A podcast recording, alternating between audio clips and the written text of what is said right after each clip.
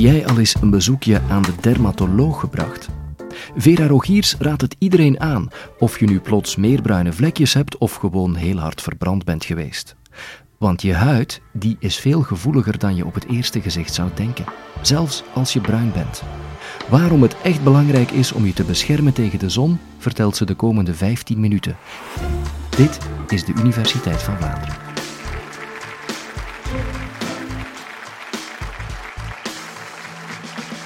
Wanneer wij willen weten hoe schadelijk de zon is voor de huid, dan is het misschien goed om te kijken naar de eerste postkaart. En die postkaart die toont hoe dus onze blootstelling aan de zon veranderd is over de laatste honderd jaar. Het is duidelijk dat we meer huid blootstellen aan de zon, dat we dat ook langer doen. En veel mensen gaan naar exotische bestemmingen, waar dus de intensiteit van het licht ook veel groter is. En we kunnen ons dan afvragen, wat is het verschil tussen die twee? Wat is het effect op onze huid? Wel, om eerst positief te zijn, kunnen we stellen dat dus eh, de zon belangrijk is voor onze geestesgesteldheid. Het is antidepressief, we voelen ons daar blij mee. Activiteit gaat het geven. Maar als we denken aan de mensen eh, in Scandinavië, dan weten we dat dus daar lampen bestaan die dus de zon gaan nabootsen, waar mensen dus eigenlijk echt gaan voorzitten, omdat ze dus depressief worden door de lange dagen zonder zonlicht. Dus duidelijk, zonlicht is iets wat we nodig hebben. Een tweede aspect dat we kunnen vermelden is dus het aanmaak van vitamine D.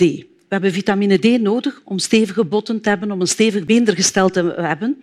En dit wordt aangemaakt onder invloed van dus het UV-licht, een deel van dus het zonlicht, dat uh, in feite met de cholesterol uit onze voeding gaat omzetten. En dan het derde, bruinen. Nu, niet iedereen gaat dus bruinen zien als iets dat positief is. Dat is zeer verschillend. We hebben onder andere een, een school van dermatologen die zegt alles dat bruinen is, is dus in feite niet aan te raden. Je hebt een andere school die dus zegt dat bruinen dus toch wel degelijk kan gebeuren op een veilige manier. Maar we gaan het dus nu hebben over bruinen. Dit is dus verbonden met uh, sportiviteit, met jeugdigheid. En kijk naar de zomercatalogen, daar zie je daarin altijd bruine jonge dames aan de rand van een zwembad met een cocktail in de hand en mooi bruin gebrand.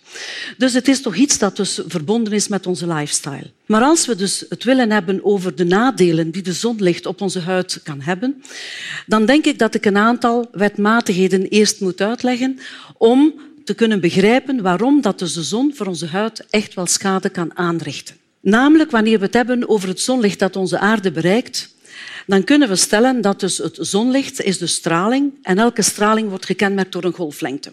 Nu, we kunnen dus het licht dat onze aarde bereikt onderverdelen volgens de golflengte in drie delen, namelijk het UV-licht, het zichtbare licht en het infrarode licht. Nu, de kleinste fractie daarvan, het UV-licht, kunnen we nog verder onderverdelen in dus UVC, UVB en UVA-licht, terug een onderverdeling volgens dus de golflengte.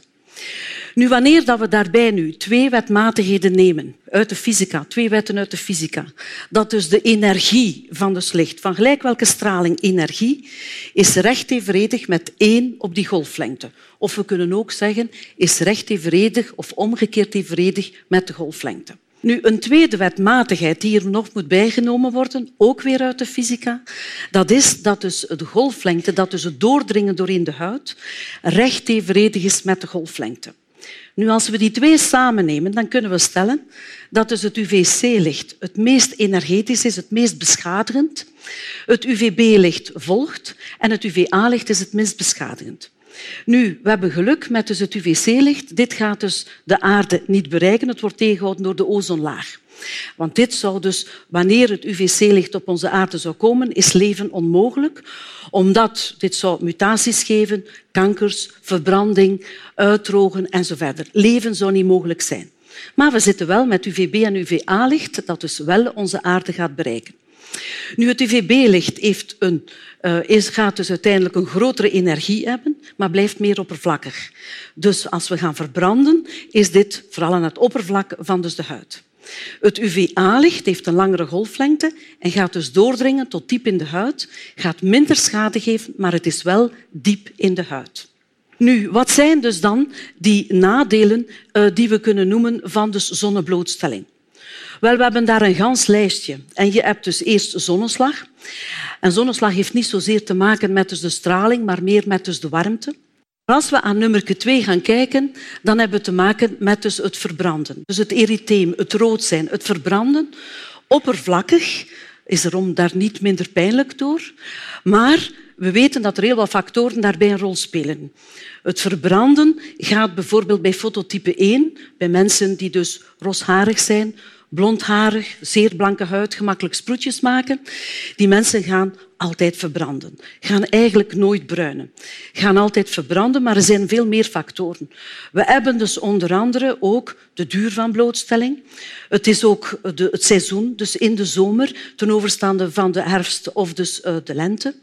We hebben ook het, uh, het tijdstip van dus de dag, de middag of de voormiddag of de namiddag. Die, al die factoren hebben te maken met de inval van het zonlicht loodrecht. De afstand die dan het licht aflegt is korter, dus er gaat meer aanwezig zijn. Als het schuin invalt, dan gaat er meer uitgefilterd zijn. En vandaar dat dus de voormiddag en de namiddag minder agressief zijn dan op het middaguur. Maar er zijn nog andere factoren. En zeker de duur van blootstelling gaat een zeer grote rol spelen. Maar ook bijvoorbeeld met de oogte gaat dus de hoeveelheid UVB, dat dus meer beschadigend is, toenemend ten overstaan van UVA. Doet daarbij dan nog de sneeuw, waarbij we dus een reflectie hebben in de sneeuw van ongeveer 75 procent. Dan ben je blootgesteld dubbel aan dus het eh, UV-licht. En uh, wanneer we bijvoorbeeld in gras daarnaast leggen, dan is dat maar 5 procent. Dus er zijn een handpak factoren, te veel eigenlijk om op te noemen. Maar het verbranden en het roodheid heeft te maken met het UVB-licht vooral, waarbij het UVA-licht gaat potentialiserend werken. Nu, het is niet alleen het verbranden, maar wat we er ook moeten op letten, dat is te maken met dus de huidveroudering. Nu, we gaan allemaal verouderen gewoon door de tijd dat we hier op aarde rondlopen. Dat is één zaak. Maar we gaan dus ook spreken, en dit is genetisch bepaald, 60 tot 70 procent van ons verouderingsproces, het normale verouderingsproces, wordt genetisch bepaald. Maar we hebben 30 procent zelf in de hand. En die 30 procent is voor een groot deel bepaald door de zonneblootstelling. En we spreken dan van actinische veroudering, voortijdige huidveroudering. Klinkt niet goed, hè? voortijdige huidveroudering. En dat kan je dus eigenlijk wat we zien met dus in zonneblootstelling, zien we uitdrogen van de huid. Dus het water gaat verdampen uit onze huid en we krijgen deshydratatie. Maar we gaan dus ook de delen die het meest bloot staan, gaan we dus pigmentatiestoornissen krijgen.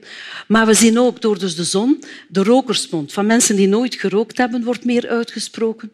Je ziet dus de kraaienpoten. Want wat er gebeurt, is dat dus het zonlicht, waar we zeiden, het is vooral het UVA-licht en het UVB-licht gaat maar potentialiseren, het is vooral UVA-licht, minder schade, maar diep in de huid.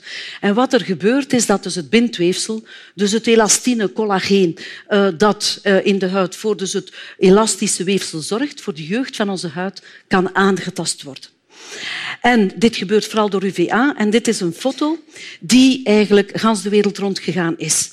Dit is een truckchauffeur in Californië. Dus die zit de hele tijd achter zijn stuur. En wat gebeurt er? Dus het UVA-licht heeft een langere golflengte, kan doorheen het glas, terwijl UVB er niet doorheen gaat. En wat zie je hier? Een duidelijke veroudering aan dus de kant van dus de zon en de andere kant die niet blootgesteld is. Dus de zon zorgt voor het UVA-licht vooral voor een voortijdige huidveroudering. Nu, waar we het ook moeten over hebben, is niet alleen veroudering, maar is dus ook huidkanker. We weten dat dus huidkankers de lucht ingaan. Dus dat we dus die statistieken die worden dus eigenlijk, we zien meer en meer huidkankers te maken met dus zonneblootstelling. Nu, wanneer we het hebben over dus huidkankers, moeten we twee grote groepen onderscheiden. We zien de baso- en de spinocellulaire epithelioma's. Nu, dat is een ganse mond vol. Hè. Laten we het hebben over baso's en spino's. Wel, baso's zie je hier. En uh, dus een typisch voorbeeld was Ronald Reagan, ex-president van de Verenigde Staten. En die had er dus in, ik weet niet of je het goed kunt zien, op de lippen en op de neus. Het is een kleine tumor die uiteindelijk een beetje gaat jeuken, die kan bloeden, waar een korstje op staat, waar je een bril tegen staat en zegt, is er iets aan betand dat dus altijd maar jeukt en dat is bloed. Dit zijn uh, epithelioma's. En een baso is totaal ongevaarlijk, maar moet tijdig opgespoord worden. Kan tijdens de consultatie bij de dokter gewoon weggenomen worden. Men gaat dat volgen onder de microscoop en heeft een goed verloop. Een ander is iets wanneer we het hebben over een spinocellulair epithelioom. Bij dus een spinocellulair epithelioom zien we het tipje van de ijsberg. Het is een kleine ontwikkeling langs buiten, maar zeer diep. Het gaat dus metastaseren en het is dus een fatale afloop. Dus spino's, als die op tijd gevonden worden, geen probleem, worden weggenomen. Vandaar als er iets verandert, hier of daar een klein bobbeltje, naar de dermatoloog gaan, is de boodschap.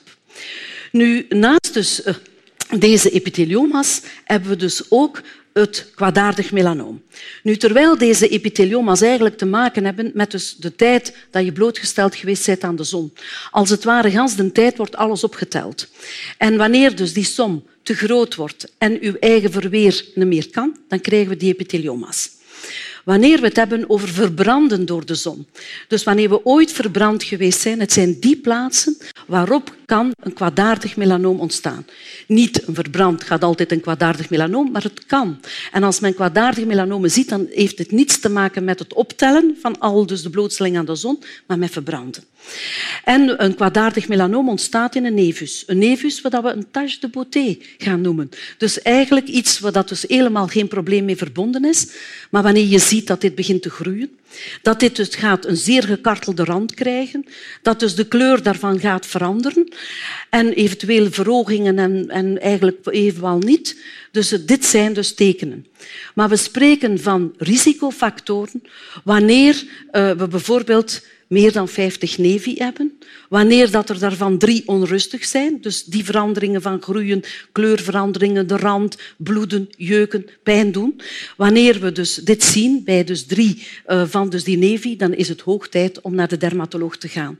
Wat natuurlijk ook um, uh, risicofactoren zijn, is dus het rosharige fototype, fototype 1. Dus blonde mensen, mensen die verbrand geweest zijn, die dus ouder, het is ook iets in functie van dus de leeftijd, zijn dus risicofactoren. Nu, uh, wanneer uh, we dus die hier allemaal op een rijtje zetten, we hebben het gehad over de zonneslag, over het erytheem, het UVB-licht, verouderen van de huid, vooral UVA-licht, huidkanker, vooral UVB, maar UVA-licht wordt ook als carcinogeen gezien. En dan hebben we nog uiteindelijk immunosuppressie. Nu, wat wil dat zeggen? Een onderdrukken van uw verweersysteem. Dit gebeurt ook onder invloed van dus het UV-licht. En wat zien we? Mensen komen van een zonnevakantie en hebben een opstoot van dus een koortsblaas. Wel, een herpes simplex is een virale infectie die je opdoet als je kind bent en dus die blijft aanwezig in uw zenuwbanen latent. Op het moment dat je een verzwakte weerstand hebt, aanval.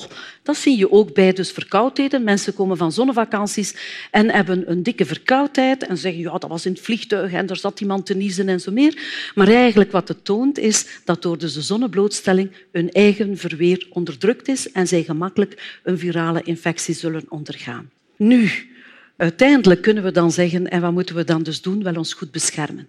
De absolute boodschap voor uh, dus zonneblootstelling is u goed te beschermen.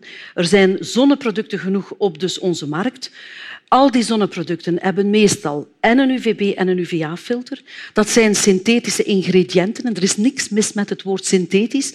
Dat zijn perfect synthetische ingrediënten die gaan het UVB-licht en het UVA-licht uitfilteren. Hoe hoger het nummer dat op een product staat, hoe hoger de bescherming. En de hoogste bescherming hebben we met wat we noemen een factor 50 plus. En die 50 plus wil zeggen dat naast die UVA en die UVB-filter die licht opnemen en dat omzetten in warmte, dat we daarbij reflectoren hebben die nog een keer wat dat er nog is van licht ook gaan weerkaatsen. En dus goede zonnebescherming, als we dus zeggen hoe schadelijk is de zon voor de huid, ja, die is schadelijk en we moeten ons daartegen beschermen. Dat is de ultieme boodschap. Wat denk je? Toch maar eens een bezoekje brengen aan die dermatoloog? En als de zon de oorzaak van huidkanker is, is bruiner dan het nieuwe roken? Gelukkig niet helemaal. Vera Rogiers legt in een ander college trouwens uit hoe je nog wel veilig kan zonnen. Abonneer je op de podcast en je mist geen enkele aflevering.